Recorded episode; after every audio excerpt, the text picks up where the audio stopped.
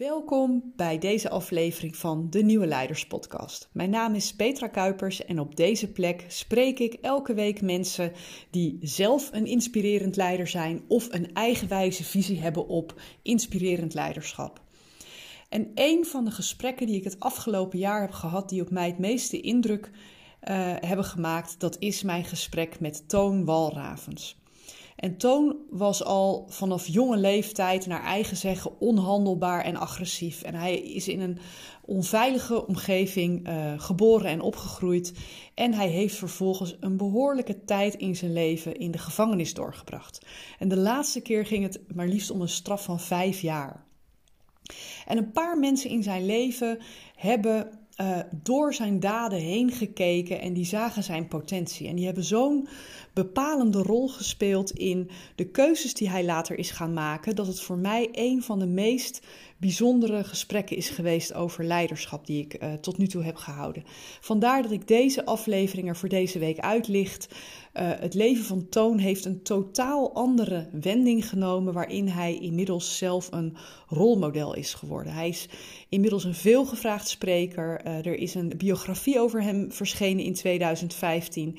En dit jaar komt er zelfs een documentaire uit over zijn leven. In deze aflevering hoor je hoe Toon uh, tot inzicht kwam en hoe hij zijn zelfleiderschap heeft genomen om zijn leven over een hele andere boeg te gooien, waardoor hij nu zelf van gedetineerde tot rolmodel uh, is getransformeerd. Toon, welkom bij de Nieuwe Leiders Podcast. Um, voordat we inhoudelijk van wal steken, zou jij iets willen vertellen over wie je bent en wat je precies doet? Wat is jouw verhaal? Ja, dat, uh, dan hebben we een aantal uren nodig, maar ik zal het proberen kort uh, samen te vatten. Ik ben Toon Walravens, ik ben 59 jaar en hoop volgend jaar 60 te worden. Uh, ik ben vader van twee kinderen en ik heb een fantastisch leuke vrouw, Andrea. Ja. De liefde van mijn leven. Mijn Al 25 jaar hoorde ik net in ons voorgesprek. Al 25 jaar, ja, ja, ja, ja is mijn voorbeeld, mijn leider eigenlijk. Ja, ja. Mooi. Um, en wij hebben samen, uh, ik heb een uh, aparte geschiedenis, maar zij heeft hem wel met mij doorleefd. Ik, ik kom uit een ontwricht gezin. Um, ik heb een vader en een moeder gehad, twee zussen en een broer. Een vader die veel dronk, een moeder die niet in staat was om kinderen op te voeden. veel verbaal en fysiek geweld. Um, ook nog een deel met seksueel misbruik te maken gekregen in, in mijn vroege leven. En ja, al dat al maakte dat ik uh, al, al heel snel uh, mezelf verloor. Volwassen mensen niet leuk vond, niet aardig vond. En ze ook uh, al heel snel op een afstand zetten, ook mijn ouders. Mm-hmm. Terwijl die misschien wel het beste gegeven hebben van zichzelf wat erin zat. Dat ja. was niet meer, ze hadden niet veel meer meegekregen. Ja, goed, je, je, je, wordt gewoon, ik zeg het altijd, negen maanden gedragen, lekker warm, veilig door je moeder. Uh, uh, je krijgt de basisbehoeftes. En uh, eten en drinken. En na negen maanden, ja, dan ga je naar buiten en dan sta je in één keer vanuit het donker in het licht. Ja. Het is koud en ehm, je begint te schreeuwen en je hoopt dat de veiligheid die je zoekt in je omgeving zit. Hè? En ja. dichtstbij zijn de mensen, zijn je ouders. Mm-hmm. Nou ja, goed, er staat dan ook nog een dokter, als je niet gaat schreeuwen, dan slaat je je tegen je billen aan en dan komt iemand met scharen en loopt, die knipt ook nog een deel van je door. Dus nou, als die zijn we allemaal getraumatiseerd begonnen. Ja. Ja. ja. Dus als je die veiligheid niet hebt, dan, uh, dan sta je al met 3-0 achter als je het misschrijft. En uh, je schreeuwt zo omdat je weet dat je 25 tot uh, 30 of misschien 20 maaltijden van je dood afzet. Onbewust weet een kind dat. Mm -hmm. Dus die veiligheid heb je nodig. Nou, als die basisveiligheid niet op de juiste manier gegeven wordt, dan word je niet gevormd, maar dan word je een deel misvormd. Ja. En dat is bij ons wel gebeurd. En ik ben op een hele vroege leeftijd ben ik door de kinderbescherming uit huis gehaald. Oké. Okay. Hoe een... was je toen? Ik was tien. Oké. Okay. En ik was al met de vijfde klas van de lagere school, werd gezien als onhandelbaar en was school gedaan. Dus toen werd eigenlijk niet gekeken naar de oorzaken. Ja, we praten over, ja, waar hebben we het over, 50 jaar geleden. Ja. En ik werd naar een bijzondere jeugdinternaat geplaatst. Uh, waar ook nog eens uh, ja, 200 andere toontjes zaten, zei ik altijd wel eens. met allemaal een eigen geschiedenis. Ja. En ik heb er wel iemand leren kennen, juffrouw Beb. Juffrouw Beb was echt een, een groepsleidster die uh, een beetje de rol van mijn moeder nam. En dat duurde heel lang. Want uh, het woord vertrouwen tegenwoordig wordt zo uitgemolken. Ik, ik, zeg ook altijd, organisaties die op hun websites hebben staan dat ze werken op basis van vertrouwen, die moet je niet vertrouwen. die, dus, ja, want volgens mij bouw je eerst, je kunt beter neerzetten, wij werken op basis van betekenisvolle relaties. Ja. En vanuit die betekenis ontstaat vertrouwen. Het is niet andersom. Ja. En zij wist mij een betekenis in mijn jonge leventje te geven, die juffrouw Beb. Hoe deed ze dat? Door gewoon zichzelf te zijn. Gewoon, uh, ze nam bijna de, de surrogaatrol van de moeder. Ja. En ze stond naast me en ze kwam uh, een gesprekje maken, vroeg hoe het met me was. En ze vroeg ook door, maar op een hele lieve manier. Uh, ik durfde me langzaam een beetje te ontwapenen. Ja. mijn eigen bloot te geven. En ik, uh, begon vertrouwen in haar te krijgen. En ze zat, zat s'avonds wel eens naast me, langs mijn bedje. En las ze iets voor. Of, uh, nou, zij heeft wel gemaakt dat ik op een gegeven moment ook meneer Maas op het uh, internaat waar ik zat, de houtbewerkers, leraar, docent, een man van, van een leeftijd van een opa die mij de technieken van het houtbewerken, nou ja, op een manier dat ik dacht van, oh, deze wereld is het, ik mocht even van een andere wereld proeven.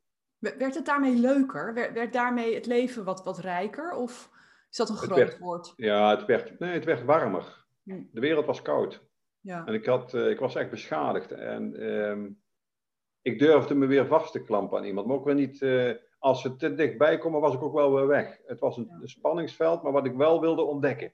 Ja. Ja, vind ik een leiderschap trouwens straks ook wel een hele mooie. Dat ja, hou me even vast. Ik zet er meteen een vlaggetje bij. Ja. Ja, en ehm, nou ja, goed, en dat is, wel, dat is haar wel eh, goed gelukt. En zij heeft denk ik de deur van mijn hart op een kier gezet weer. Ja. Voor het bataljon en hulpverleners wat er daarna nog gekomen is. Mhm. Want ik ben na dat jaar ben ik uh, teruggegaan naar huis en er was niks veranderd. Nee. Dus je wordt teruggezet in de volgende teleurstelling. Ja. En ik was veel op straat te vinden en ik uh, ben aangesloten wat ze zeiden bij een groep jongens, verkeerde vrienden. Nou ja, andere ouders zeiden van mij ook dat ik een verkeerde vriend Ja. was. Dus uh, je Ja. zoekt het contact met degene waar je jezelf goed bij voelt. Mhm. Mijn zoon ging volgens mij vroeger skaten en andere dingen doen. En ik, slo ik sloot mezelf aan bij jongens die niet praten over gevoelens, die een beetje kouder waren en die eh, ja, vriendschap en loyaliteit verwarden met elkaar eigenlijk. Ja. Maar, en we gingen dingen doen die niet konden. En ik kwam bij eh, justitie in handen, ik kwam in jeugdgevangenissen. Ik heb nooit op school gezeten. En ik, eh, ik heb veel relaties gehad. Vroeger had ik nog heel veel haar en daar zag ik er best wel leuk uit volgens mij. En, ehm, Dus dat, dat ging je goed af. dat ging me goed. En mijn vlotte babbel. Ja, die had ik ook wel mee. Want dat leer je wel. Doordat je zo gekwetst wordt, leer je ook eh, jezelf tools aan te leren waar je mee door het leven komt. Ja. Want iedereen heeft die, alleen sommigen ontwikkelen die veel sneller en harder, ja. omdat ze die nodig hebben om verder te komen. Want ze hebben het niks is wel anders. bijzonder wat je zegt. Hè? Dus je, je ziet wel dat je een talent ontwikkelde. Misschien Ja. niet door de juiste prikkel. Maar Nee. ook door onjuiste prikkels kan zo'n talent tot wasdom komen. Ja, het is een perverse prikkel die je Ja. krijgt. En Ja. die, eh, die maakt dat je eh, alleen die talenten, die ontwikkel je wel, maar die zet je op de verkeerde manier weg. Mhm. Die ga je voor je eigen eh, egocentrische leven wat je opbouwt, ga je die inzetten. Ja. En eh, op zich is daar niks mis mee, want het, het- ik heb het nodig gehad om te overleven, maar er werd geen leuke persoon van. Nee. Want- Had je dat op dat moment door eigenlijk? Nee, nee, nee. Nee, dat, kijk, dat manipulatief gedrag, dat, dat, dat, eh, nou, dat, dat rijst de pan uit, want je doet eigenlijk de dingen voor Hm. jezelf. En dat kwam in die relaties met die ik gehad heb ook wel terug, want ehm, ik had wel geleerd om contact te maken, heel snel, goed, zorgvuldig te zien, want ik kon de mensen lezen onderhand, Ja. dus ook de meiden. En, eh, alleen ik had niet geleerd om te investeren. Nee. Het was eenrichtingsverkeer, dus het, het was die meisjes die liepen tegen, een, een, ja, tegen iets doods aan. Ja. En dat maakte dat ik, eh, ja, ook wel die relaties allemaal kortstondig waren. Ja. Er zijn in ieder geval wat langere relaties geweest waar twee kinderen uitgeboren zijn. En eh, mijn dochter en mijn zoon. Mhm. Mijn dochter, ja, die zal mij niet de beste papa vinden van, van, van dit jaar. En zal ik ook nooit worden, want die heeft met mij ook heel veel niet meegemaakt. Ik wou zeggen, veel meegemaakt, dat klopt. Maar wat ze meegemaakt heeft, zeg ik bijna nooit was.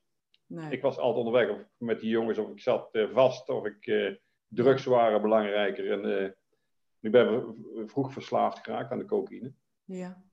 Hoe was dat? Hoe oud was je dat dat, dat Ik gebeurde? begon met drinken, toen was ik een jaar of elf. Jeetje. de alcohol. En toen begon ik naar de hand al aan softdrugs. En niet veel later begon ik ook al te experimenteren met eh, cocaïne. Er zat zoveel onrust in mij. Ja. En ik zocht van allerlei ontladingen op Ja. om dat kwijt te kunnen. Ja. En ehm, ja, uiteindelijk heb ik die cocaïne gevonden. En ja, dat gaf mij een boost. Ik kreeg meer zelfvertrouwen. Het verlangen om eh, eh, onder de mensen te zijn, wat ik normaal gesproken op afstand hield. ja. Um, het is ook een dure hobby. het is één, een dure hobby. Plus, je hebt iets gevonden waarmee je denkt grip te krijgen op je leven. Maar uiteindelijk krijgt datgene wat je gevonden hebt grip op jou. Ja. En dan zijn de rapen gaar, want dan kom je er niet meer van weg. En uh, uiteindelijk krijg je een, een, een, een, een ongewilde vriend in huis die je niet kwijt kunt. Nee. En die altijd bij je is. En ik kon op het laatst gebruik ik 8 gram cocaïne per dag. Ja, dat, en dat ik, bijna fysiek is dat onmogelijk. ja, dat is niet vol te houden. Ik, ik dacht dat ik dood ging. Ja. Maar ik kon er niet meer zonder en niet met slapen. Dus dat is een beetje een vreselijke verhouding die je hebt. Ja. Um, het is een soort van huiselijk geweld naar jezelf toe, lijkt het wel. Ja. Hè? Dat je, ja, het is een soort van gevonden. ja, geïmplodeerd. Het is allemaal naar jezelf gericht. Ja. ja. Maar goed, dat heb je dus niet lang vol kunnen houden. Want 8 gram, dat is zo destructief. Nee, op, het laatst, op het laatst was het ook echt, ik was helemaal uh, de weg kwijt. Ik, ik wist ook niet meer wat ik deed. Ik, uh, maar goed, ik, ik ben er wel achter gekomen. Ik was in die tijd ook al geen onintelligente jongen. Toen nee. ik een jaar 15 was. dan durf je nog iets te zeggen natuurlijk over jezelf. Maar ik kwam in de jeugdgevangenis terecht en ik had al heel snel door, door dat je daar jezelf niet kwetsbaar of uh, verdrietig op ging stellen. Want het waren een soort van hyena's onder elkaar. Um, nou, dan, je wilt niet onderaan aan, aan, aan, aan, aan de rij zitten, van, van, van, van, want dan word je het pispaaltje. Ja. Daar zit ook een pikorde en een hiërarchie. Dus ik keek al heel snel wie daar de leider was. Mm-hmm. En zorgde dat ik zo snel mogelijk, zo dicht mogelijk langs hem kwam, of misschien wel zelfs erboven. Ja. Om, maar niet de, de, de, de, de druk of de angst hoeven voelen van, want ik was gewoon bang. Je doet dingen ook uit angst. En, uh, nou, daar ontwikkel je dan ook wel weer. En uiteindelijk uh, ja, zag ik ook wel in die criminaliteit. Er zat een hogeschool. Voor de criminaliteit, die jeugdgevangenis toen die tijd. Ja. Als we niet goed oppassen, is dat nu nog wel. De status verhogend is als de taalgebruik, grote criminelen. Nou, laten we voorzichtig zijn met dit soort woorden. Andrea heeft mij een keer op mijn uh, puntjes gezet hier thuis. Van, toen zei ik, ja, die, die, bijvoorbeeld, nou, die en die is toch wel een grote crimineel, mensen uit de krant. En Ja. zei ze, nou, je moet eens opletten op je taalgebruik. Want als je dit gaat gebruiken, ze zijn mensen die de penicilline uitgevonden hebben. Of iets tegen kinderkanker. Dat zijn grote namen. Ja. Wat hebben deze mensen gedaan, zei ze, Ja. om het woord groot te verdienen? Ja, ik ben dat nooit vergeten. Nee. Dat is wel een Beroepscrimineel. hele wijze opmerking, hè? Ja, beroepscrimineel. Ja. Beroeps... Ja, ja. De- zet je het op je cv, dan staat het op LinkedIn. Ja. Ja, precies. Hoe zet je het weg, hè? maar hoe gebruik je? Beroepscrimineel, dus het is een beroep. Dus moet je vaardigheden voor hebben, moet je talent en kwaliteit voor hebben. Die Ja. heb je wel misschien, die had je toch wel. ja. Eh, Criminaliteit is geen beroep. te doen. Ja. De jargon die wij gebruiken is ook levensgevaarlijk naar eh, jongeren toe die daar gevoelig voor zijn. Ja, Want dat taal is zo krachtig, hè? dat onderschatten we wel eens. De, de, Ja. de effecten van taal, taal zou eigenlijk met een waarschuwing moeten komen, want Absoluut. dat, dat creëert werelden. Dat is ongelooflijk. Ja. En eh, dat mag een leider zich ook realiseren. Welke taal gebruik ik? Maar dat leiderschap in, in, in, die, in die jeugdgevangenis, hè? want je zegt, ik, ik had snel door wie dat was en ik ging daar dan tegenaan en het liefst eroverheen. Hoe kenmerkt die ja, op angst gebaseerde vorm van leiderschap zich? Hoe herkende je dat daar? Nou, je weet al heel snel. Kijk, de angst hem van wie is hier het sterkste? Mhm. Het gaat er niet over het intelligentste. Wie is hier het sterkste? Wie, wie, wie oefent hier het meeste druk uit? Ja, Hè? Want geef mensen eh, geld of macht Mhm. en dan leer je ze echt kennen sommigen. Ja. Kijk, en iemand die door zijn eh, dominantie van, van, van fysieke sterkte Mhm. eh, heel erg eh, dominant is, ja, die herken je meteen. Ja. En daar kijken anderen tegenop. ja, En mijn kracht zat er meer in het bespelen en het, mijn snelle babbel. ja, En precies weten wat ik op welk moment moest zeggen. ja, Om door te dringen tot die ander, om hem even na te laten denken. ja, Ik, als ik met geweld er tegenaan zou gaan, ik was niet bang uitgevallen, dan krijg je iets eh, waarin je niet verder komt. Dan krijg je de strijd. ja, Dus ik moest een ander eh, iets inzetten op mijn jonge leeftijd, want nu hebben we het erover, normaal denken niet zo diep over na, ja. om daar eh, bij te kunnen komen. Om Ja, die het is ander aan bijna het de twijfelen. klassieke wie niet sterk is, moet slim zijn. Hè? Je Ja, daar komt je aan. En- eigenlijk inzet om... Ja, dat is misschien nog wel een gevaarlijker wapen. Ja, als je, ja, dat denk ik wel. Dat denk ik wel. Want eh, de, de, de, de, de, de, de domheid van kracht, op die een bepaalde manier in te zetten, die is heel snel eh, inzichtelijk. Ja. De andere kant, die intelligentie, is veel, eh, ja, is eigenlijk link. Is eigenlijk, als, je, als, je, als je iemand tegenover je hebt die dat op een hele foute manier gebruikt, mhm. ja, dan kun je jezelf in, enorm tegenkomen. Ja. ja, want die andere is bijna niet te doorgronden. Hè? En dat, dat was bij mij ook wel. Ja. ja. Maar ik, ik zat wel... zat af en aan, zat je in die jeugdinrichtingen, ging je tussendoor wel telkens weer naar huis? Ja, ja ik ging tussendoor wel naar huis. Maar daar, in die situatie kwam ik in een situatie terecht waar eigenlijk de criminaliteit uh, uh, ja, aanwezig was. Maar ook de, de, alcohol, het geweld. wij hadden een donkerbruin café met mij thuis. En de, overdag zaten daar de mensen uit de buurt te kaarten. En dan rond een uur of zeven, acht wisselde de populatie in de, de zwaardere en lichtere criminaliteit. Zelfs tegen de onderwereld aan. Ja. Prostitutie, drugs, criminelen, noem maar op. Dat zat ik, daar groeide ik er tussenop. En mijn vader was een, een, een, die had aanzien in die wereld. Ja. En hij was mijn held. Ja. Ja, dus jouw paradigma was ook helemaal ja. Eh, op, op dat soort verschijnselen gericht. Dat was voor jou heel normaal. Misschien zelfs wel een soort van thuis tussen aanhalingstekens. Het was voor mij, mijn, uh, uh, die situatie was zeer onveilig. Maar hij was mijn aap op de rots. Hij was mijn held. De, de, mannelijke gorilla die erboven zat. En ik, ik identificeerde mezelf met hem. Ja, de zilverrug. ja, dat is, iedereen heeft dat ook nodig, hè, die rol. Eh, van, van vader. En ik, nou, achteraf besef ik ook wel dat die kant van hem helemaal niet zo goed was voor mij. Nee. Want hij had echt zijn, zijn, nare en dus narigheden. En, eh, maar goed, als ga ik daar diep op in. En, uh, ik ben naar de hand gewoon wel doorgegroeid naar het volwassenenrecht. Ja. En dan ga je toch het woord beroepscrimineel ga ik niet gebruiken, maar je ziet wel dat de straffen die je er gaat krijgen als je mhm. gepakt wordt, ja, die horen, het is een onderdeel van je leven geworden. Ja. Je vindt het als vanzelf. Het is niet prettig om het te zetten, want niemand wil daar zitten. Nee. Wie dat ook zegt, dan moet je echt ernstig ziek zijn als je zegt van, nou, dit maakt me niet zoveel uit. Het kan voor tijdelijk zijn als je helemaal geen onderkomen hebt en een soort van dak- en thuisloos ervaart. En dat je in de midden in de winter met 20 graden buiten zit weg te vriezen. Dan zou ik ook ergens een raam eruit gooien. Om tijdelijk eten en drinken en, en de warmte op te zoeken. Mhm. Maar normaal gesproken wil je daar niet zijn als mensen. Nee. En ehm, wat je daar ziet is dat mensen dat uh, wegstoppen. ze willen zich ook daar weer niet kwetsbaar. Het is een wereld waar je jezelf niet kwetsbaar op stelt. Je wil je zwakheden niet laten zien. En ehm, als de deur open gaat van je cel, dan doe je je schouders rechten. Je rug eh, helemaal recht en je, je schouders breder maken. Want je wilt iemand voorstellen. Je wilt niet gezien worden als die ene. Nou, een gesprek voeren met een uh, gevangenisbewaarder.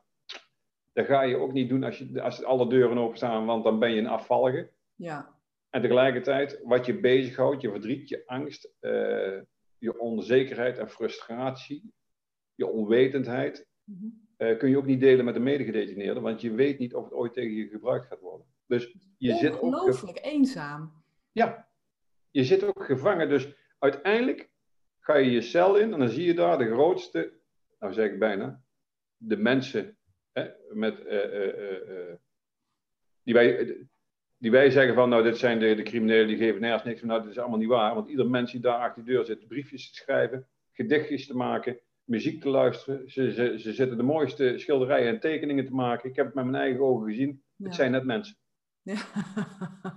maar die eenzaamheid dwingt je wel of het beste uit jezelf te halen, of het slechtste komt naar boven. En wat bepaalt dat? Wat bepaalt dat, Toon? Want dat vind ik wel fascinerend eigenlijk. Ja, dat bepaalt toch nog altijd uh, uh, wat heb ik buiten nog uh, om me heen staan. Dat is één. Um, hoe sterk, wat voor persoonlijkheid heb je? Um, kun je, ben je. We hebben ook een hele groep mensen met een mindere intelligentie. Ja. Er zit een grote groep mensen met een lichtverstandelijke beperking. Daarmee zeg ik niet dat die mensen. Maar die zullen niet snel de wegen vinden die ik ook vind. Ja. En wat het ook bepaalt is het gedrag wat ik ontwikkeld had. Mhm. Als ik in de gevangenis kwam, dan was ik meestal lichamelijk en psychisch zag je het wel aan mij. Dat ik flink geleden had. Hè, ja. Door die verslaving. Ja. Maar door die structuur, de drie R's, rust, regelmaat, reinheid, zag je mijn ziende ogen opknappen. Want moest je daar dan eerst afkicken of hoe werkte dat? Ja, ik kan daar ziek weten dan? Ik had wel iedere keer een zware periode. Ja. En dan zeiden ze ook altijd, daar hebben we niks voor, weet je wel, voor cocaïne of wat dan ook. En uh, nou, daar, ga, daar onderga je dus, uh, ook daar ontwikkel je wel weer de, kracht hè, om uh, ergens erheen te komen. Want als ik op dit moment erg zwaar in heb, dan denk ik altijd dit soort momenten, god, wat maakt het dat ik toen daar door die periode heen kon komen? En kan ik diezelfde kracht nog eens een keer aanboren van nu? Hè? Want als je over ervaringskundigheid praat, dan zit je daar in die hoek. Ja. De meest uh, onprettige situaties heb je de meeste kracht ontwikkeld. Ja. Maar de meeste mensen zien dat niet eens. Hè? Ik, uh, daar heb ik mijn eigen, naar de rand ben ik er mijn eigen in gaan fascineren en ingedoken om te kijken van wat betekent het. Ja. Uh, En het maakt eigenlijk, het verschil maakt dat ik eh, al heel snel wist dat ik mezelf moest houden aan een jaar lang deed dezelfde bewaarder de deur open s'morgens. Ja. Ik herkende hem als geen ander. Ik kende ieder rimpeltje in zijn gezicht. En aan de manier van goedemorgen zeggen, wist ik of dat hij ruzie met zijn vrouw of man gehad had, dat weet ik niet. Maar of dat hij vastgezeten had in het verkeer. Toen wist ik al van, oké, dit is zijn bui. Hier moet ik mijn eigen vandaag aan houden, want hij wil de zaak managebaar houden. Ja. En ik wil onder de radars blijven. Ik wil niet in de problemen komen. Dus ook een soort van omgaan met elkaar en bejegenen. Ja. Maar niet de bejegening die je buiten nodig zou hebben. Want als je dit met elkaar buiten aangaat, dan verlies je elkaar. ja. Dan, dan drijft het je uit elkaar. Hier brengt het je bij elkaar zelfs. ja. Dan Dus denk je nou, was echt actief aan het kijken van hoe kan ik me in deze situatie verbinden aan die ander. Ja. Wel vanuit het oogpunt van heb ik er zo min mogelijk last van. Precies, mijn Oh. eigen ik. Ik Ja. wilde daar het beste uithalen. Wat hij daarmee deed, moest je zelf weten. Hij wilde de zaak managebaar houden. Daar keek ik naar. En Ja. daar dat ik naar hem keek, betekende dat ik dan beter de dag doorkwam. Dus dat had niks met hem te maken. Nee. En die eh, eh, eh, intelligentie, die had ik wel. En ik zag ook meteen al dat, ik ben in de jeugd, toen ik daar zat, ben ik een keer, ik kwam daar binnen, in de gevangenis, in de jeugdgevangenis, en dan werd je geacclimatiseerd. Nou, ik kwam in een, in een ruimte te zitten, nou, vier witte muren, ik weet nou nog niet wat ze wilden betekenen. Maar... En kreeg een briefje en dan mocht ik naar huis schrijven, dat dacht ik althans. En dan schreef ik erop dat het daar, nou ja, ik zal de woorden niet noemen, wat ik ervan vond. Ja. En eh, dat was de eerste keer dat ik er binnen was. En een half dag daarna kwam de directeur mijn eh, hokje binnen daar. En die zei van, ik heb hier een briefje. Je schrijft over deze instelling, waar ik directeur van ben, dingen. Terwijl je net hier binnen bent. Je kent ons niet, je weet niet eens wat het is. En ik kreeg er een week bij. Wauw. Dat was de sanctie. Dus eigenlijk wat je thuis al meemaakt, Ja. hè, die repressie, dat destructieve.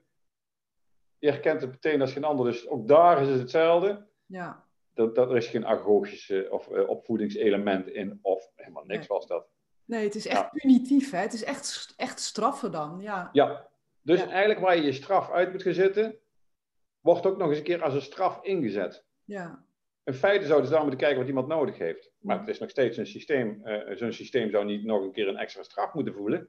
Het zou als een kans, een mogelijkheid moeten zijn. Om Ja. te kijken van wat heeft die walrapers nodig. Maar dat gebeurde toen niet. Nu zie je al een kleine verandering erin. Ehm, ja, goed, en ik, ehm, ik, dat ben ik nooit vergeten. Ik denk, ik moet mezelf gewoon aan de regels gaan houden. Want dan zit ik heel eh, dikwijls in die separeren hier. Ja, Nou, dat- wat, wat dat- is er in jouw hoofd gebeurd? Want je hebt natuurlijk wel, je, je hebt nog één keer vrij lang vastgezeten, hè? Ja. Is Nou, we- dat waar de we- kentering kwam? Ja, zullen we het daarover hebben? Kijk, en ik, ehm, ik heb dus geleerd mijn eigen in die gevangenis staande te houden op een manier. En wat gebeurt er dan? Dan krijg je de, de, de mooiste reinigersbaantjes. Mhm. Ik mocht overal op andere afdelingen komen, want je krijgt toch wel een soort van vertrouwen toegewezen. Maar op basis van heel iets anders. Die bewaarders die willen gewoon hebben dat mensen rondlopen die ze niet constant moeten controleren. Of die drugs Ja. van de ene afdeling. Ja. En het leverde mij een extra belbeursjes op. Er werd dus een keer een haringje van mij meegebracht. Er kwam een bewaarder, kwam bij mij Formule 1 kijken. De ene hand was de andere. Ja. Dat systeem ontstaat dan. Nou, en dat maakt dus dat je, en dat zul je zien, dat mensen die minder sociaal ontwikkeld zijn, die krijgen deze kans niet, want die weten deze kans niet te pakken. Nee.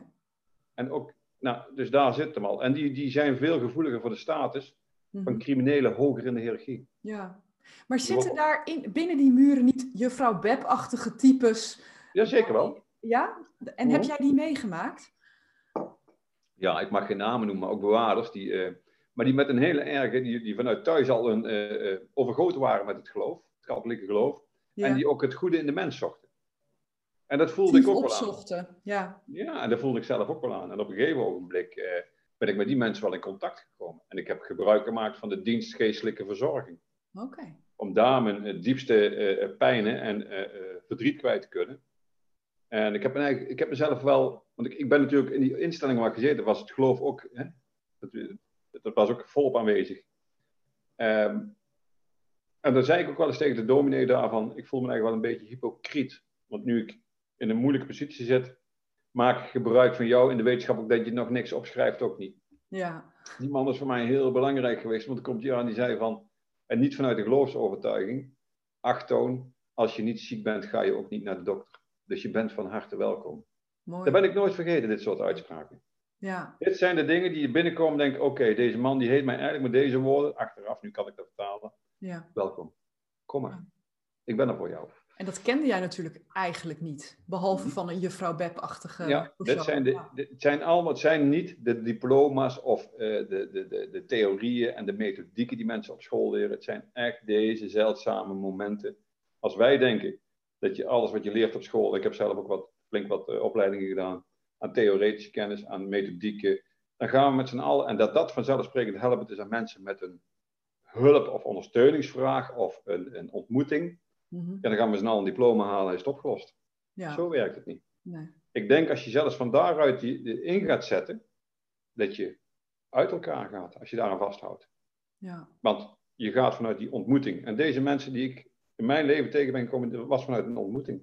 Ja. En die hielpen mij iedere keer een stukje verder. Dat zijn de mensen die die deur op die kier houden.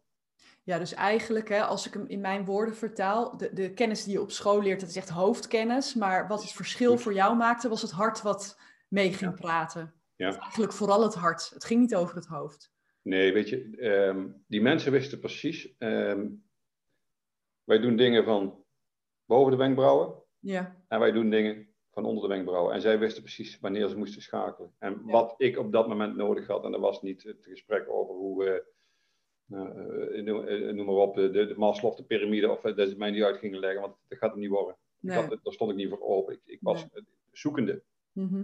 Ik wilde mezelf ontdekken, maar ook de ander ontdekken. En ja, daar ben je zoekende in. Ja, En hoe ver kan ik daarin gaan? En ehm, het is ook goed dat die ander mij begrensde, want ik was grenzeloos. Ja, Ik, voordat je wist, nam ik jou mijn grens mee over. Dus ging je ook je eigen grens over. Dus dat is voor de ander ook weer een spanningsveld. Mhm. Ik, ik- maar ik ben daar dus, eh, ik heb er enorm veel van geleerd allemaal. Ik ben toen naar een, eh, eh, de, de ene laatste straf ben ik buiten gekomen. En dan stonden meestal mijn vrienden wel weer te wachten en kon ik verder. En deze keer was het anders. Toen vroeg een nichtje aan mij of ik haar even weg wilde brengen. Ja, En dat heb ik gedaan. En naar een adres en toen ging de deur open en daar stond een, eh, een vrouw. Mhm. En die vrouw, die keek mij aan, ik haar aan. Mijn relatie was net verbroken. Het was volgens mij 5 december en ik weet het wel zeker. Want dat was het moment dat we 25 jaar bij elkaar waren. wauw. Dat was Andrea. Ja, En ehm, wij raakten met elkaar in gesprek. We kregen een relatie. Ik verzweeg mijn achtergrond. Ik was bang. eh, eh, Andrea was puur. Die, die wist helemaal niks van de criminaliteit. Ze werkt als verpleegkundige naar specialisten. Ze, Mhm. ze werkt nu nog eh, op de CCU-afdeling, Cardio Care Unit, in een algemeen ziekenhuis. En eh, ik wilde haar, eh, ik had iets gevonden, ik wilde haar niet kwijt. ja, Maar ik zat ook nog vast aan die loyaliteit naar die groep toe. ja. Dus ik begon een dubbel leven op te bouwen zonder haar op de hoogte te brengen. En ik begon weer cocaïne te gebruiken. Mhm. En soms zat ik s'avonds helemaal strak van de cocaïne op de bank en dacht zij dat ik een eh, vervelende dag had gehad. En want ze snapte er helemaal niks van. Gelukkig. En het enige wat zij ooit ge- meegemaakt had aan cocaïne was, eh nou, ze zegt het zelf ook wel eens, zei, was ik nou zo naïef? Mhm. Want het enige wat zij ooit gezien had was bij Miami Vice op tv. Ja. Ja. Ik zeg nou, je was niet naïef. Daarvoor hield ik zo van jou. En je was puur. Je was echt. Ja. Ik zeg, en, je was, eigenlijk was je bijna in de taal van het geloof rein. Mhm. En dat was zo ongekend voor mij. En ik dacht van wauw. En dat wil je vasthouden, maar ik kon het niet vasthouden. Dus op een gegeven moment ben ik ook, eh, eh, eh, ook haar grenzen overgegaan. Ze is zwanger geworden. En onze zoon was twee maanden oud. En toen was er zoveel over mij binnengedruppeld, ook bij haar ouders. En dat had ze te horen gekregen en ik kwam thuis en toen zei ze van ik weet, ik, ik, ja. Ze zei, ik weet niet wie jij bent, zei ze, maar ik, ik, ik, ik wil, ik, jij kunt niet de vader zijn die ik voor mijn zoon, en toen was keer haar zoon. Ja. Ik wil hebben dat je gaat. Want je bent gevaar voor ons. Nou ja, goed, eh, ik, ben ik, eh, ik ben ook opgestapt. Mhm. Toen ben ik echt veel meer cocaïne gaan gebruiken, veel meer gaan drinken. Ik verloor mezelf helemaal. Was de zoveelste knieval voor het leven. Uiteindelijk stevende ik daarmee op mijn langste gevangenisstraf af.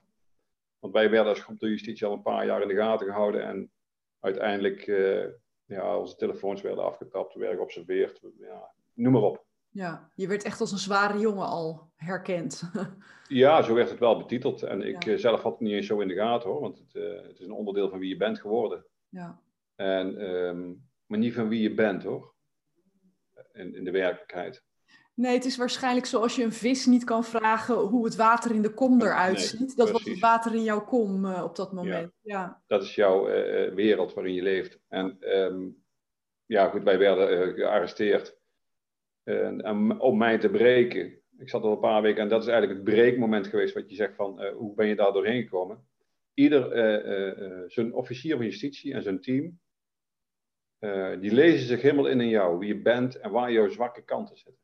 En die zwakke kanten zitten niet in. Soms moet je mensen pakken daar waar ze de hardste pakken zijn. Dat kan geld zijn, hè? Daar zijn mensen dol op. Ja. Soms is het ook. Ik, ik, was niet die commerciële jongen die alleen maar met geld bezig was. Dat interesseerde me eigenlijk niet zo. Maar Andrea was belangrijk en mijn, mijn, mijn ouders. En wat deden ze? Ze vroegen s'avonds om 11 uur. Haalden ze mij uit mijn cel en vroegen ze of ik nog iets nodig had. Ik zeg kleren en tandenpasta. Dan kun je dat misschien. Uh, ja, wat moeten we dan doen? Ja, misschien bij uh, Andrea, mijn uh, vriendin. Mijn ex zei ik. En, of mijn moeder. Ja, dat zal niet meevallen, zei hij, want die zitten allebei hier. Wow. En toen, ja, toen zei ik eerst nog, dat meen je niet. Dus, en toen, uh, toen zei hij, ja, dat ben ik wel. Dus toen ging ik helemaal door het lint. Ja. En dat was eigenlijk wel een breekmoment. Dus ze zoeken eigenlijk ook iets om mensen te breken. Ja. Achteraf denk ik ook, dat is goed. Hè? Prima dat je dit zo doet, maar help daarna mensen ook te helen. Ja. Dat is wat er, eh, want wij stoppen dan mensen gebroken weg. Hè? Mhm. Dat is wat er gebeurt. Er is ook niks geen handvat voor. En die, die breuk is zo heftig. Dat is niet zomaar een breuk, dat is een open breuk. Was het waar? Was het waar? Waren ze daar echt? Ja, ze waren er, ja. Ja. Die hebben ze een week lang op beperkingen gezet. Omdat ze wel wat dingetjes van mij wisten. En die moesten ze weten. Ja. En uh, André heeft dus ook, uh, die is op, op last van de rechtercommissaris, hebben die toen dus het is echt een heftige tijd geweest, ook voor haar. Ik heb echt, dat is enorm schuldig, voel ik me eigen eronder. Ja. Je weet niet wat je veroorzaakt. Wat een ellende. Mijn moeder, 63 jaar. Ja. En die mensen hadden echt helemaal totaal daar niks mee van doen, helemaal niks mee te maken. Ik zal niet zeggen dat ze helemaal niks wisten, dat weet ik niet, maar dit. Nee, maar ze hadden er geen schuld en geen verantwoordelijkheid in eigenlijk. Nee, met wat ik gedaan had, hadden zij echt de schuld. Zij wilden gewoon, die mensen hebben ze binnengezet om mij te breken, en, zodat ik door, door zou breken. Ja. En de, ook zou vertellen wat er aan de hand was. Ja. Nou, ik ben wel gebroken. Ja. ja. Ik was echt gebroken. En uh, uiteindelijk uh, kregen wij uh, eh, 30 jaar gevangenisstraf als groep. Zo. En ik, ik kreeg, twee van ons kregen vijf jaar, allebei. Nou, ik en nog een jongen. Mm -hmm. En de rest allemaal vier jaar. En noem maar op. Ja. Er zaten ook nog wat familieleden bij mij in de zaak. Dus werd ik nog wel eens gekscherend door de officier gezegd van...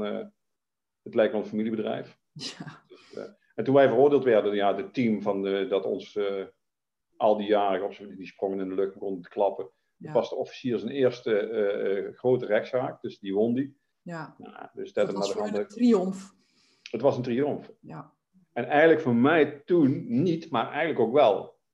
Want dat is het moment geweest dat ik besefte, ja, als dit zo doorgaat, dan... Uh, ik heb mezelf al een paar keer gedacht van, zal ik het leven beëindigen? Ja. ja ik, uh, dit, dit, was niet wat ik zocht. Nee. En dus ook leiders die leiden met een lange ei. Ja. En um, op een gegeven ogenblik ben ik eh, in de gevangenis terechtgekomen, ben ik gaan schrijven naar Andrea. Oké. Okay. En ik heb, ik, ja, ik, ik, ik, ik miste haar. Ik, eh, en ik, uh, ik wist het ook niet meer. En ik was ook half psychotisch volgens mij. En ik heb uh, leren lezen en schrijven in de gevangenis. En ze zegt nog wel eens van, toen ik die brief kreeg, zei ze, nou, ik kon er echt geen... Ik had iemand nodig die die, die, die, vertaalde voor mij. Het leek wat buitenlands. Er ja. zat geen, geen lijn in die brief. Dus, ja, en... Uh, maar ze begrepen wel uit dat er veel geweest was. En ik, ik, had, ik had haar op de bezoekerslijst gezet. Nou ja, goed, en in het begin wilde ze niet, ze had niet gereageerd. En uiteindelijk is ze toch gekomen het huis van bewaring. En toen zei ze tegen mij, uh, met de maatschappelijk werker van de verslavingszorg erbij, ik kan niet zeggen dat ik niet meer van jou hou. Ik wil je niet terug. En uh, als jij de vader voor je zoon wil zijn die je zelf had gezocht hebt, en je eigen vader niet kon vinden, want dat heb ik er een beetje uit begrepen, zei ze dan wil ik jou steunen totdat jij thuis komt. En van daaruit kun je de draad oppakken en dan kun je proberen de vader te zijn voor jouw zoon, want hij heeft jou nodig. Ja. En je bent gewoon eigenlijk geen verkeerde vent, zei ze. Want nou, en um, toen zei ze, en voordat je antwoord geeft, dan denk je er een maand over na. En als laatste wil ik jou meegeven, ik denk dat jij ernstig ziek bent. Ze zei, jij hebt ernstige psychiatrische problemen. Ik heb jou uh, uh, mee mogen maken. Zei ze, maar dit is echt... Ze zei, als je hier niks aan doet, dan sterf je of op straat, of je doet jezelf iets aan. En ze zei, en nu heb je de kans. En als je dat wil, kan ik jou steunen. Over leiderschap gesproken, dit was iemand die mij uh, iets, een wereld voorspiegelde, die op werkelijkheid zou kunnen berusten. Dat voelde ik ook. Zij zag in jou wie jij kon zijn, wie jij kon, ja, wat er ook in zat. Ja. Wat er ook in zat. En wat er ook. Uh, mooi ja. is dat, ja. En uh, uiteindelijk ben ik toen uh, ja, naar verslaving. Ik heb afscheid genomen van die wereld waar ik in zat. Ik ben naar verslavingskliniek gegaan. Dat is niet zonder slag of stoot gegaan. Hoor, want daar heb ik een, een, een, een, jaar gezeten ongeveer. En daar ben ik tot besef gekomen na een half jaar dat ik duurt even voordat je durft te zeggen dat je verslaafd bent. Ja. Want uiteindelijk degene die hasje gebruikt, die veroordeelt die wiet gebruiken, want er zit zoveel TLC in. Nou, eh, de wiet gebruiken, de cocaïne gebruiken. Dus we hebben allemaal ook nog een oordeel over de anderen. En uiteindelijk, die echte verslaafde is die man met die spuit in zijn arm die in de sloot ligt. Ja. Maar dat is het beeld van wat wij ook nog hebben, hè? de trapsgewijs ja. denken. Ja.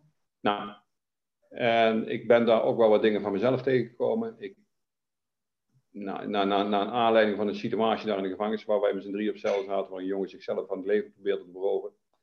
Um, je, je levert ook wel wat, uh, ja, het levert ook de detentieschade op. Dus een heftige, heftige situatie geweest die mij ook wel aan het denken gezet heeft.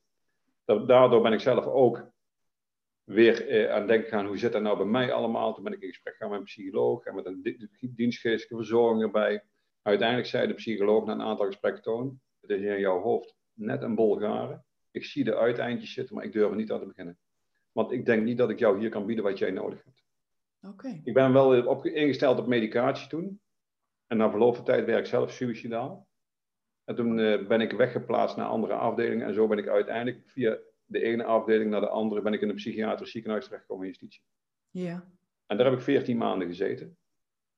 En um, daar heb ik dus ook uh, verschillende diagnoses te horen gekregen. Met, er was een observatieafdeling. Dysteme, depressie, stemmingswisselingen, trauma gerelateerd. Mm -hmm. Doe maar.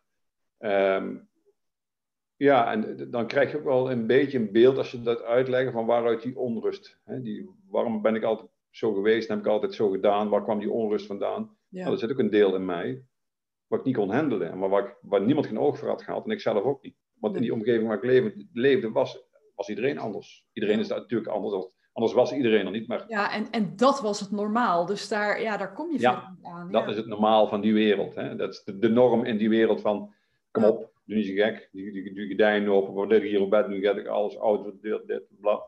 Alle vrienden, ja, vrienden. Nou, daar kunnen we van alles van vinden. Um, ik ben onderweg ook heel veel mensen kwijtgeraakt aan een onnatuurlijke dood of doodgeschoten of uh, uh, overdoses. Dus je, je, wordt ook geconfronteerd met de dood op een manier waar je niet zo bij stilstaat, wat het, wat het leven eigenlijk de moeite waard maakt. Ja. Huh? Dat is, je gaat de dood op, op een gegeven moment ook weer interpreteren als iets van, het hoort er allemaal bij. Het hoort erbij. Het hoort wel bij het leven. in zekere zin ook zo is, maar niet op de manier die jij maar Niet op die manier. Nee. Het hoort bij het leven. Ja. Het staat niet los van elkaar. Het leven kan gevierd worden tot aan de dood. Maar um, ja, goed. Dus daar ga je allemaal over nadenken. En toen zat ik daar, en dat is een hele belangrijke geweest, over leiderschap gesproken. En dat, daar ben ik eigenlijk een echte leider tegengekomen. Oké, okay. wie was dat? Dat ga ik je vertellen. Um, ik zat daar en er was een zingevingsgroep. Ja. Ik had nog nooit van het woord gehoord. En ik kwam uit een hele andere wereld. En ik ging daar maar naartoe, want ik had toch niks te doen. En er zaten dus, ik was te kort gestraft en de rest zat allemaal 16 tot 20 jaar.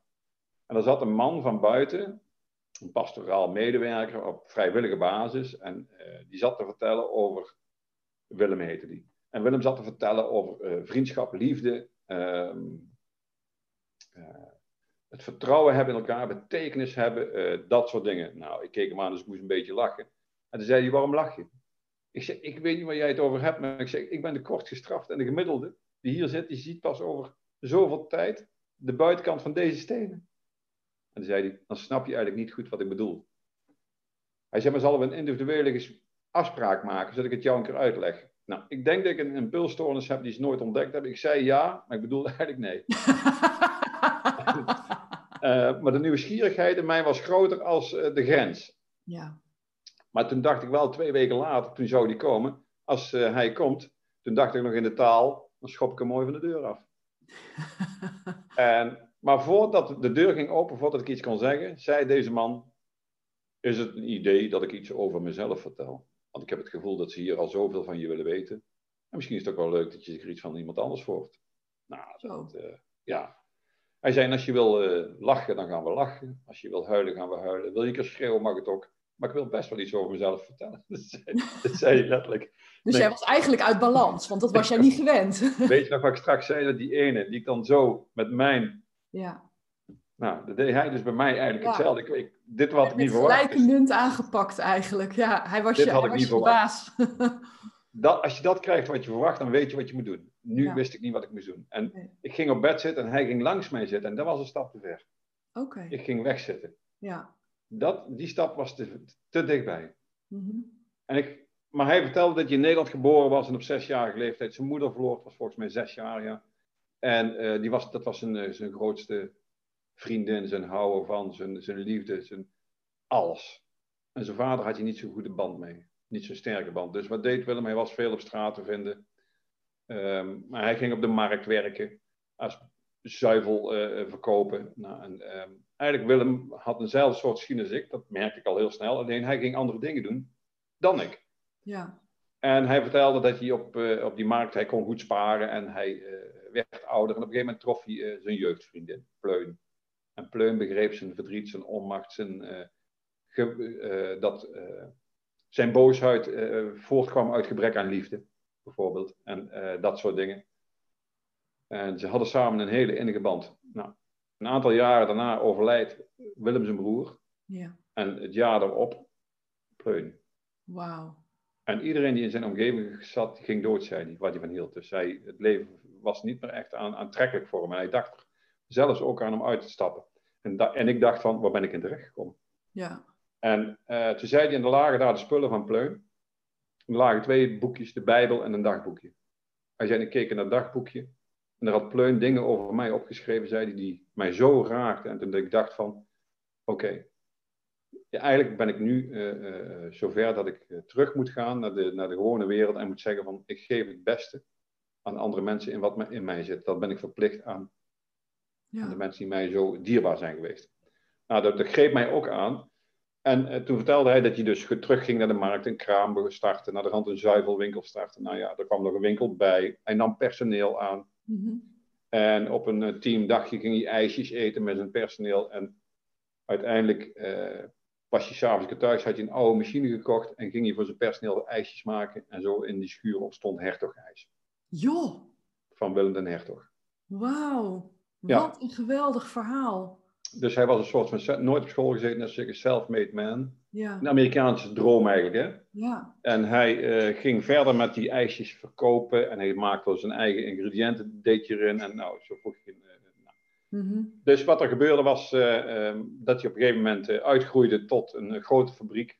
Hij zei, en in die fabriek keek ik altijd naar beneden en liep ik naar beneden toe. Dan komt hij aan, die leider, en zei hij, het was niet die olie in die machines. De mensen waren mijn olie tussen de machines. En ik ging naar ze toe en ik sprak met ze en ik legde de hand op zijn schouder. Ik vroeg hoe thuis was. En nou, ja, dat, dat, is, dat, is, dat beeld, dat vergeet ik nooit, maar dat hij dat zo vertelde. En ehm, ik zat echt van, wauw. Ja. En, meteen, die, die dag was ja, dat ik voel, al ik dat er voelde al meteen iets, ja, ik dacht bij mezelf, het verhaal liet mij naar de rand niet meer los. Want maar ik herkende ook wel een parallel hè, in mezelf. Ja, uiteraard. Ja. En de geschiedenis, dat het verhaal van de mens die tegenover mij zat, mijn leven zo kon veranderen.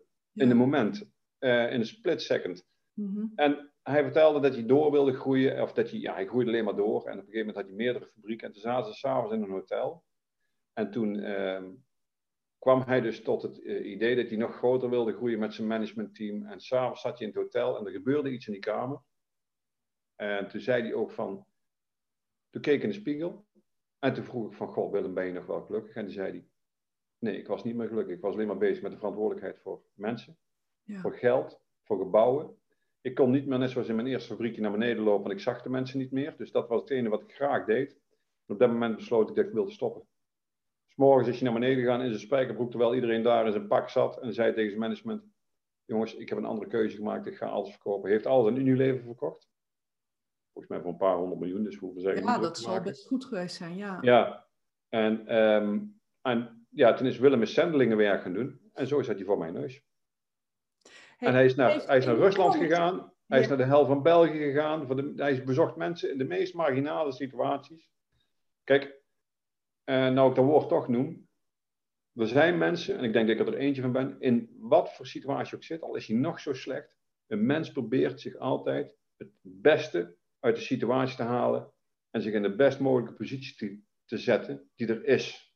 En soms moet je daar dingen voor doen of aanleren om dat ook voor elkaar te krijgen. Je gaat dus dingen ontwikkelen, aanleren om jezelf in de best mogelijke positie. En je haalt het vermogen uit jezelf wat erin zit. En sommige mensen hebben minder vermogen. Zul je zien dat ze ook zo ver niet kunnen komen. Maar die komen dan op hun manier zo ver.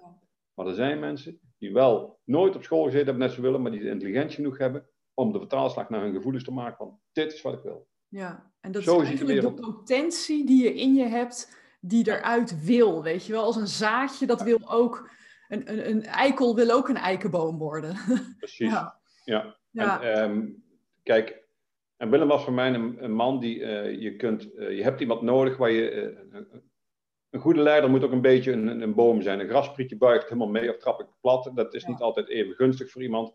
Soms moet je ook een, soort van boom zijn van hier sta ik. Nou, heb je mij nodig, schop er tegenaan. Ik blijf staan. Mijn wortels zitten goed in de grond. Ik, nou, die mensen ben ik een paar tegengekomen. Er is Andrea er een van, er is Willem er een van. Zo zijn er nog meer gekomen ik ben als ervaringskundige later gaan werken, kan ik er wel ooit over vertellen, maar ik, eh, eh, het zijn niet alleen mijn ervaringen, het zijn ook de mensen die ik tegen ben gekomen. En van Willem tot Andrea tot de professionals die. Ik heb een schatkist boven mijn hoofd, dat, dat, noem ik mijn juweeltjes. Ik heb bij die mensen ben ik dingen tegengekomen, want het zit niet allemaal in één persoon. Nee, maar het spiegelt op een of andere manier, spiegelt het iets in jou wat, wat ook weer iets wakker maakt. Ja, je, het, het, het, ligt er, het slaapt. Ja. En uh, soms is het voor zo. Uh, of je, als je heel veel alcohol en drugs gebruikt, op een gegeven moment kun je er niet meer bij komen. Hè? Dan zijn de hersenen zo aangetast. Gelukkig uh, heb ik volgens mij een, een dikke. ja, ik vind als leider heb je ook wel soms een. een, een en dat heb ik ook wel gecreëerd, denk ik. Ik heb een, een dikke olifantenhuid, maar ik ben hartstikke roze van binnen. Ja. Dus ik kan daar wel heel goed bij komen. Maar soms kan ik ook dingen van me afhouden. Ja. En uh, goed, ik ben daarna ben ik in de Franse psychiatrie terechtgekomen. Dus ik heb een gevangenisstraf uitgezeten. Ik ben in de Franse psychiatrie terechtgekomen. Ik ben daar in behandeling geweest. Tien jaar. En ik heb daar uh, allerlei uh, potentie leren ontdekken. Mhm. Ook de mindere kanten van mezelf. Ehm, ik heb van allerlei therapieën gehad, van muziek tot muziek therapie, uh, individuele gesprekken, groepsgesprekken, schemafocustherapie, dramatherapie. Dat vond ik echt een drama. Ja, dat zou voor mij denk ik ook niks zijn, maar... Nee, maar ik snap al dat voor andere mensen iets oplevert zoals muziek. Ja. Bij, mij, bij mijn gevoel liet komen. Dus ik, ik, ik, moest toen ook zelf daarom lachen, om die drama, maar dat lachen zat meer in de ongemak wat ik voelde. Ja, maar het gaat voorbij de ratio, hè? Waarschijnlijk is dat het effect. Ja. Eh, want bij de een is het muziek en bij de ander is het creativiteit en bij de ander drama. Ja. Zeker. Ja. En uiteindelijk uh, um, heb ik daar ook wel een beetje mijn leiderschap ontwikkeld. Ben ik meer naar mezelf bewust. Hè? Ja. Uh, bewust bekwaam geworden. Mm -hmm. Eerst ben je onbewust ben je ermee bezig. Nou, dan word je onbewust bekwaam. Bewust, nou, die cirkel. Ja. Die dingen. Dat is mijn telefoon. Zal ik hem even uitzetten? Ja, graag. en um, ja, goed, dus daar ben ik doorheen gegaan en ik heb daar ook veel uh, in ontdekt van mezelf. Ik ben bij mijn eigen zwarte wereld uitgekomen, die ik ook met me meedraag, want iedereen heeft een, een schaduw. Ja. ja, precies, en het loopt in elkaar over. Het is maar net welk momentum dat je treft, wat, welk deel spreek je dan van je hart aan? Het goede of het, minder goede stuk. Hè? Dat, dat kan iedereen, heeft dat. Mm En uiteindelijk ben ik, vanuit die psychiatrie ben ik opleidingen gaan doen. Ehm, niemand wilde mij buiten in de samenleving. Ik had de geschiedenis waar ze niet op zitten te wachten. En toen heeft toch de psychiatrie heeft ermee, die zag ook wel potentie in mij. Ik ben in de centrale cliëntenraad van de GGZ Eindhoven terechtgekomen. Daar heb ik drie jaar gezeten en daar zat ik met bestuurders aan tafel. Dus ook daar ontwikkel je weer een bepaalde kennis en zie je ook dingen ja. bij anderen. Ik denk, wauw, maar ik dacht ook, ik zag ook dingen van, oh oh, zo wil ik nooit zijn. Ja. Zo ben ik niet. En dan kwam ik ook wel achter dat, ik een heel, eh, dat iedereen uniek is. Ja. En uh, dat iedereen iets komt halen en brengen. En dat je in overlegvormen zit ik nu ook dat ik weet van iedereen zit daar met een stukje eigen belang aan tafel. Ik heb ook altijd gezegd van ik zal misschien niet weggaan met waar ik voor gekomen ben, maar ik neem wel iets mee. Ja. En dat is een beetje. Ja, en iedereen is een stukje van de puzzel. Dat is ook wel heel, heel mooi om dat te, te herkennen. Ja, en het, het, ik heb ook een. Uh, iedereen heeft een oordeel, ik ook. Ik heb wel geleerd mijn oordeel zo ver mogelijk voor me uit te stellen. Ja. uiteindelijk gaat het wel komen, hè? dat oordeel gaat het komen. Als ik meteen een oordeel vel, dan is iemand al bijna of heel hoog zit je in de boom, of hij is kansloos. Nou, dat is niet wie ik ben. Zo ben ik er zelf ook niet gekomen. Uh, mensen hoeven zich niet uh, tot het oneindige te bewijzen, maar ik vind wel dat iemand. Uh, ik zie iets in iemand en ik ga ook even, net zoals André al zegt, ontdekken of dat het, hetgeen ja. wat ik gezien heb, of dat ook werkelijkheid is. Daar ben ja, ik ook heel als open. Je, als je nu kijkt, hè, want je werkt nu in de Ja. psychiatrie. Ja, Je krijgt met jongens te maken die een vergelijkbaar verhaal hebben als wat jij hebt gehad. ja, En met meisjes weet ik eigenlijk niet. Heb je alleen daar heb ik ook mee te maken. Ja, ja, ja, ja. Binnenkort komt er een verhaal uit, een boek van een eh, journalist. En die heeft een, eh, een, een, boek geschreven over mannelijke leiders. En daar heb ik ook een, eh, een aandeel in geleverd. Dus ik kan er nog Wauw. niet te veel over zeggen. Dus die komt in Oh. januari uit. Ik breng je Maar er is al een boek van jou. Misschien Ja, mijn, mijn, mijn eigen boek over mijn Ja. leven. Ja. Dat is geschreven door een journalist. Toonway is hersteld. Ik zou het zo niet meer noemen nu. Nee, Maar eh, om het hersteld zegt toch, lijkt wel te verwijzen iedere keer naar de ziekte. ja. Terwijl ik, eh, ik zou kunnen zeggen, Toon W. Is, eh, eh, eh, heeft zich ontwikkeld in zijn persoonlijke groei. En nou, dat, dat, daar, daar zou het een vertaling van moeten zijn. Er zou ook een andere titel van moeten hebben. want Het is allemaal persoonlijke groei en Toon ontwikkeling. heeft zijn potentieel gepakt. Ja, en, en zijn kansen en mogelijkheden die in, in zichzelf zaten. Want ik kijk wel altijd naar de overkant. Alle kansen en mogelijkheden zitten in de ander. Die zitten niet in mij. En ik ben maar de zoveelste persoon die langs zij komt. Maar ik heb wel een heel ander gebied waar ik vanuit kan putten. Hè. Ik, eh, en ik denk ook van het mooie van het... eh, ik kijk altijd vanuit het narratieve. Ik heb ooit een deel een opleiding gevolgd in Gent bij een, eh, bij een therapeut. En die, die zei ook van... Alle kansen en mogelijkheden zitten in de ander. Dat vond ik altijd al. En doordat je vanuit het verhaal van iemand kijkt... Als je iemand in zijn verhaal kan houden, dan hoef je er ook geen etiketje op te hangen. Want dan blijf je in het verhaal van de andere zitten. Dan plaats je iemand niet in hokjes. Daarmee mag de ander ook zijn positie bepalen tegenover mij. Ja, En tegelijkertijd ook zijn posi- positie tegenover zijn eigen problemen. Maar ook tegenover zijn eigen talenten, kwaliteiten en mogelijkheden. Want die zitten allemaal aan die kant. ja. Die zitten niet bij mij. En ik mag er alleen maar meereizen. Ik ben die medereiziger die kijkt van... Hoe kan diegene nou bij dat potentieel... Als ik over de mogelijkheden praat, komen we toch wel bij die onmogelijkheden. Die, kan- die ga je tegenkomen. ja. Maar als ik vanuit de onmogelijkheden... ook accepteren, hè? Ja, en als je vanuit de onmogelijkheden start, dan kom je bijna niet meer bij de mogelijkheden. Nee. Dan zit je alleen maar daarin te roeren. En Ja. soms zijn de onmogelijkheden zo groot dat je ze wel aan moet pakken. Dan is er meer nodig als wat het verhaal. eh, Dus ja, ik kom deze mensen tegen en ik, eh, eh, ik, ik, hoef, ik, ik, ik hoef me eigenlijk niet beter voor te doen als dat het is, want ik heb zelf geschiedenis die er niet om liegt. Dus ik ga altijd zeggen: vertel maar. Ja. Dat is mijn eerste vraag. Mensen hebben het niet eens in de gaten. Soms zeg ik: vertel eens. En ik blijf dit herhalen. Ja. God, vertel eens. Mensen hebben het niet eens in de gaten. Dus ik hou het gewoon in een verhaal. En dat is eigenlijk de, de, de kracht van het gewoon doen. ja. Van het, Nou, en ook van aanwezig zijn met wat er wil komen. Dat, Ja. dat hoor ik er heel erg. Vertel maar. Ja. Weet je, en als iemand nou over de Albert Heijn wil vertellen of over zijn leven. Of over zijn hond. Ja, En ehm, kijk, iedereen, eh, je- het gaat over identiteit. Van wie ben ik nou? En eh, door, door, door daar het met elkaar over te durven hebben. En natuurlijk zijn er verschrikkelijke dingen gebeurd. Die zullen ook op tafel komen. Maar er zullen dan andere dingen voor nodig zijn. ja, En daar kom je dan ook bij uit. ja. En soms vragen ze, wat heb jij er... Ik ben ook een, een vraagbaak hè, voor iedereen. Mhm. Wat heb jij eraan gedaan? Ik zei, oké, dan gaan we even over mij hebben. Ik zeg maar, dit heeft mij geholpen. Maar misschien brengt dit jou op ideeën wat Ja. je nodig zou kunnen hebben. Ik kan het hier nog uren met je over hebben, maar ik wil naar een afronding toe. Want Ja. eh, we zitten al heel lang te praten. En ik Ja. moet het ook echt even. Ik vind het een waanzinnig verhaal. Je hebt me echt heel erg geraakt hiermee, merk ik. Maar ik wil Ja. jou nog één nabrander vragen van als jij denkt aan leiderschap. En als je iets mee wil geven aan iemand die zich wil ontwikkelen tot leider, of, of die al leider is, maar die het wil verdiepen, wat zou jouw hartekreet zijn eh, waar je dit gesprek mee wilt eindigen?